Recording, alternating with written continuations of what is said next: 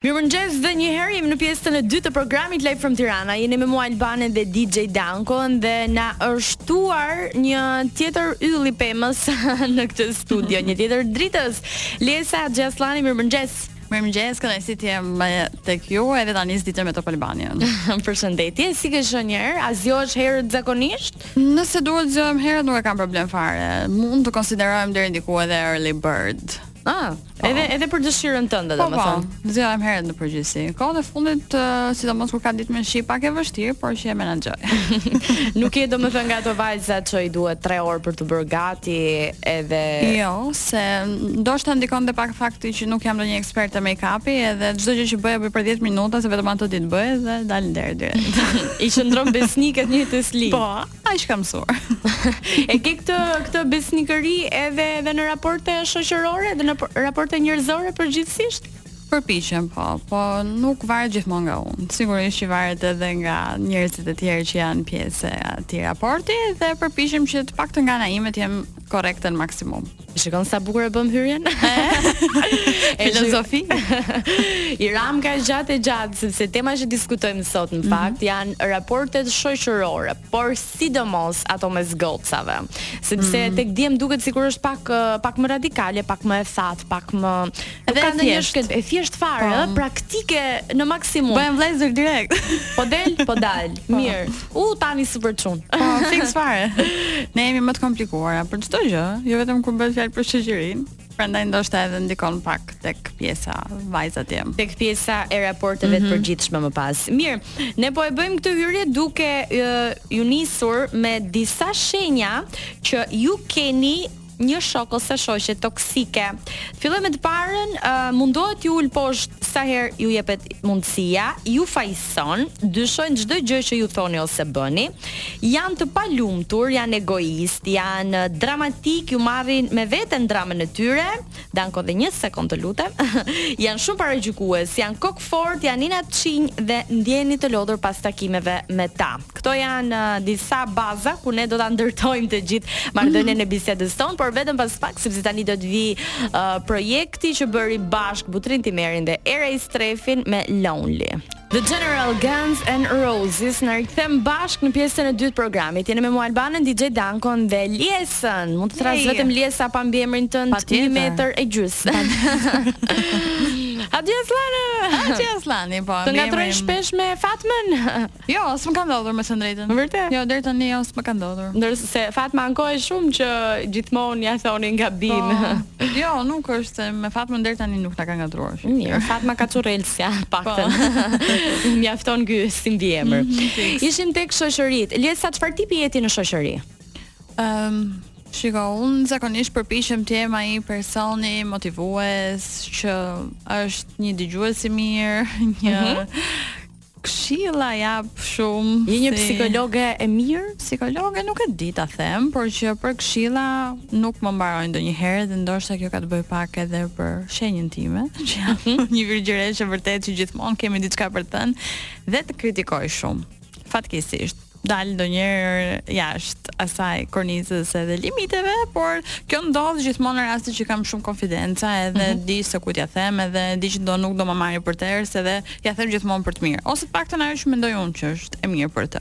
Kur shoqet të pyesin për shembull se aty aty uh, prekan më shumë edhe ajo i ngut pak më shumë çështja e marrëdhënieve me të dashurit e tyre. A je ti 100% e drejtpërdrejtë apo të ka ndodhur dhe ty Nga ato rastet që ti thua mendimin e vërtet, ajo pajtohet dhe më pas dhe më pas mundësisht i, i thot ça i ke thënë ti dhe ai arrin ta ndaj nga ti. Imagjino del ti e keqja. Shiko që të më ndaj nga shoqet e mia nuk është se ka ndodhur, për shembull në rastin e një partneri që të kem fol diçka më tepër për të edhe ai ishte t'i ketë mbushur mendjen që mos kem më komunikim me shoqen time, por që ka ndodhur që nëse më është pyetur mendimi, kam thënë atë që mendoj edhe pastaj mos ma ketë marrë fare për bazë e të ketë vazhduar më parë. kjo ndodh, kjo është e përditshme. Tjetër. Për çfarë mendon që vajzat në raportet e tyre bëhen më shumë toksike në në lidhjet shoqërore? sepse toksiciteti tani ka dal trend si fjalë, por tani vonë e kemi kuptuar ne se çfarë do të thotë mm. një shoqe që të lodh, që të ngjitet, që mërzitet, që nuk të uron, që Ndoshta ka të bëjë shumë kjo pjesa e krahasimit me njëra tjetrën që ne vajzat e kemi pak të theksuar edhe kur shohim ndoshta mikeshën tonë që për mendimin tim nuk duhet të quhet shoqe në atë rast, por që ndodh, ka marrëdhënie që ndodh, e krahasojmë me veten edhe kur e shohim pak më mirë se ne nuk na pëlqen dhe fillojmë bëhemi, ku di unë, të bezdisura, uh, themi gjëra që nuk duhet të themi, uh, kalojmë ndoshta në pak edhe në ofendime her pas here, por mm -hmm. mendoj që kjo është kur fillojmë krahasohemi me njëra tjetrën edhe kur bëjmë ato bilancet që kjo ka më shumë se unë ose kjo është më e bukur se unë ose bleu diçka më të shtrenjtë se unë. Unë nuk e kam në karakter fare këtë, po them që është një fenomen që ndodh, besoj. Mm. Të ndodh ose të ka ndodhur shpesh si je ti, i ndërron shpesh shoqet, jo. le të themi? Jo, unë për shembull kam uh, katër shoqe të ngushta. Mhm. Uh -huh. Katër shoqe të ngushta që nuk ngjajnë fare me njëra tjetrën, që janë karaktere komplet ndryshe njëra nga tjetra. Njërën për shembull e kam në Greqi, që e kam që në kopësht, edhe sa herë që mm. takohemi, Është sikur s'ka kaluar asnjë asnjë ditë edhe gjithmonë vazhdojmë diskutimin aty ku e lamë herën e fundit, pa qenë nevoja të kemi komunikim të përditshëm që kur un kam ardhur në Tiranë. Një ditë e kam njohur në universitet, dy në universitet në fakt dhe tjetra pastaj është Kiara që e njohin të gjithë për shkak se është një nga uh, figurat më të komentuara të momentit. Mm -hmm, a ke um, kur ti le të themi ishe në në ato etapa që u përfshive në televizion, ajo ka qenë një periudhë shumë e bukur dhe shumë e artë mm -hmm, për të gjithë ju të rinjtë e asaj kohe. ë edhe a, a pe ndryshim në raportet shoqërore aso kohe? Do me thënë, kishte nga ata që do uh, dëshironin të bëheshin shoqe jote për atë shkak, uh, dhe më pas kishte edhe nga ato të cilat e pe ti që nuk i erdhi dhe aq mirë. Shiko, në fakt unë përpiqem zakonisht në përditshmërinë time të jem shumë e mirë, e sjellshme dhe e dashur me të gjithë. Pastaj, mm -hmm. se kë zgjedh të mbaj afer për gjëra më personale apo më më të miat, ë dallon, por gjithmonë duke mos e bër tjetrin apo tjetrën të të ndihet keq për shkëputjen që un bëj apo për gjën që nuk ndaj me të. Mm -hmm. Kështu që ka patur raste patjetër që më janë afruar më tepër se përpara se un të dilja në ekran, por që gjithmonë kam ditur të vendos limite. Di ë? Di, di. Atë e di ta bëj shumë mirë. mirë, uh, na vendos dhe DJ Danko një limit tani, ah Danko, na i lër këto biseda kështu, por patjetër kemi nevojë për pak muzikë dhe shkëputje të bukura, më pas për pak publicitet. Oh Santa Mariah Carey dhe ti tani. Një himn dashurie nga dy të dashuruar tashmë dhe të martuar, Venera dhe Lindi. Të gjithë u martuan Liesa. Po, po. Gele duke dëshmuar das Sma, po mm -hmm. vetë çfarë plani ke? Shiko, unë jam në një lidhje prej më shumë se 7 vjet, në mos gaboj tanimë. 7 vite, po, wow. Por që nuk dasma është shumë e bukur kur uh, jam e ftuar, po për vete nuk është se e kam uh, shumë parsorë, nuk e di a do ta bëja ndonjëherë. Nuk e kam ndonjë fiksim domethënë. Tani meqë hape vetë këtë. A është partneri xheloz për ty? Meqë, jo, a është jo, toksik? Jo, fare, fare. Po ti? Jo, Jo, gënjeva këtu. Jam, jam, jam shumë. Ndonjëherë, domethënë. Ndaj, e tani qenë, që të keme të... Jam, po. Për çfarë bëhesh kryesisht xheloze ti? Shiko, unë bëhem xheloze për gjëra të vogla, që ai i konsideron të parëndësishme, por që në trurin tim janë shumë të rëndësishme, të tipit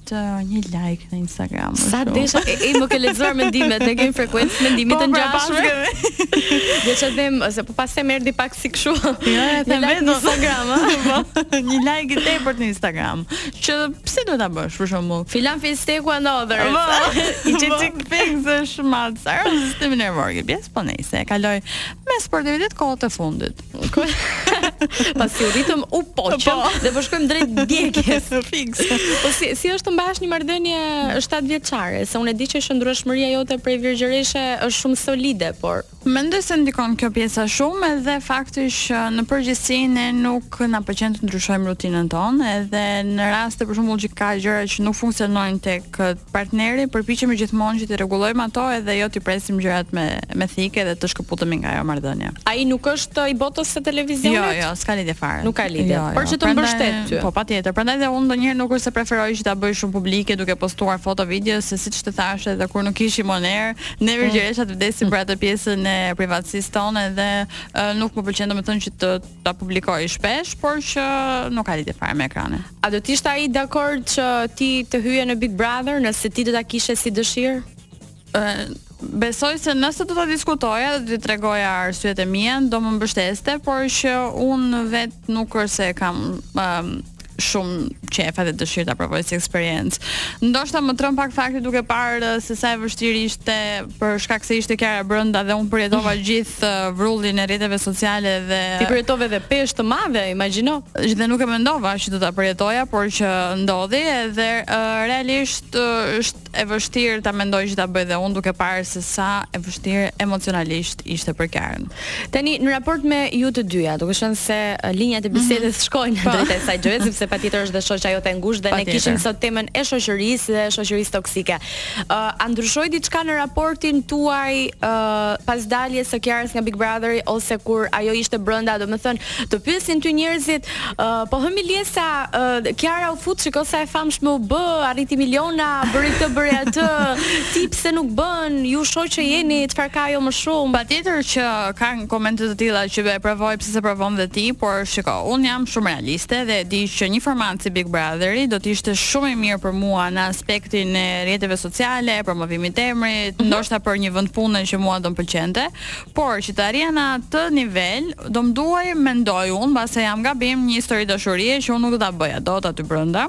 Do të ishte pak e vështirë dhe në në Big Brother po ta vëmë re, nga çdo edicion mend mund të mbajmë dy apo tre personazhe. dhe nuk e di se sa do mund të realizohesha dhe isha pjesë e këtyre personazheve që do mbaheshin mend. Dhe kanë patjetër një histori dashurie në mes për Jo, jo të gjithë kanë histori dashurie, por e ke parasysh mbahet mend fituesi, dikush dikush që u lidh me dikë një rast i Beniadës për shembull që ishte një fenomen te Big Brother VIP një mm -hmm. për shkak të karakterit të saj. Pra janë disa personazhe që kanë ato veçoritë e tyre që mbahen mend dhe nuk e di a do ja vlente sakrifica që të futesh në një format Si Big Brother, thjesht sa për uh, t'u rritur në rrjetet sociale. Shiko, ë uh, nuk i dihet kurrë sepse patjetër edhe nuk i dihet kurrë, po edhe Kiara nuk u fut me atë ide. Jo, patjetër që nuk u fut me atë ide, por prezantuese dhe influencere ka qenë, por ja që e goditi fati. I vlejti shumë dhe ndryshoi jeta e saj totalisht për një vit, por që thash më shumë do më mbante pastaj tërhequr për mos ta provuar gjendja emocionale dhe lufta emocionale që bëhet aty brenda. Ti duke qenë se e di rrethin tuaj të ngushtë, ë uh, po Kiarës filluan t'i ngjiteshin njerëz dhe shoqe të tjera që ju mund të dilnit një herë në shekull për kafe, pasi doli nga Bigu ose ta shisnin veten si shoqja e saj? Patjetër, pati pati raste ë uh, që ndodhi edhe kjo gjë, por që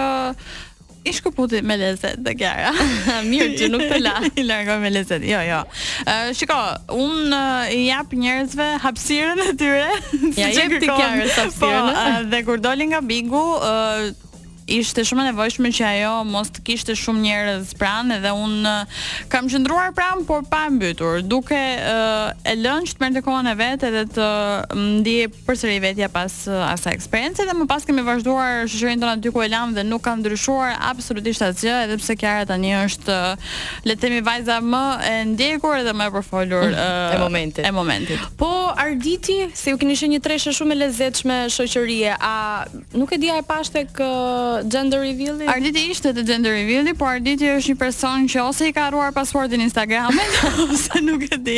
Nuk poston asgjë në rrjetet sociale, është kështu uh, diskret komplet, por që ishte, ishte i pranishëm. Po nuk ishte toksik. Mirë, keni vërtetuar që keni një shoqëri të vërtetë dhe po, nuk ju nuk ju mbyti as fama asgjë tjetër. Fama, tani ne nuk është se patëm uh, periudhën që kemi qenë te Selecti famë uh, nivel uh, Big Brotheri, por që për ne ishte diçka e madhe dhe nuk ndikoi në shoqërinë tonë. Mirë, e fundit fare 2 sekonda, nuk e di nëse ti uh, ke hedhur para ca kohësh një një thënie tënden për gjithë ata që nuk besojnë për ardhjen në jetë të një fëmije që mund të jetë për dashuri edhe ndoshta referuar mm -hmm. nga një deklaratë e Zhaklin Lekatarit që gjithashtu as ajo nuk është se ju referua dikujt, por edhe në tërësi. Lidhën portalet me Zhaklinën, mm -hmm. nuk është se un kisha parë ndonjë status të Zhaklinës, portalet e bënë të gjithë atë bashkimin e fotove dhe thënieve, po e lidhën me thënien e Zhaklinës me përgjigjen time që s'e kuptova fare sepse un Fokusin kryesor për të bërë atë status e kisha tek të gjitha komentet negative që vinin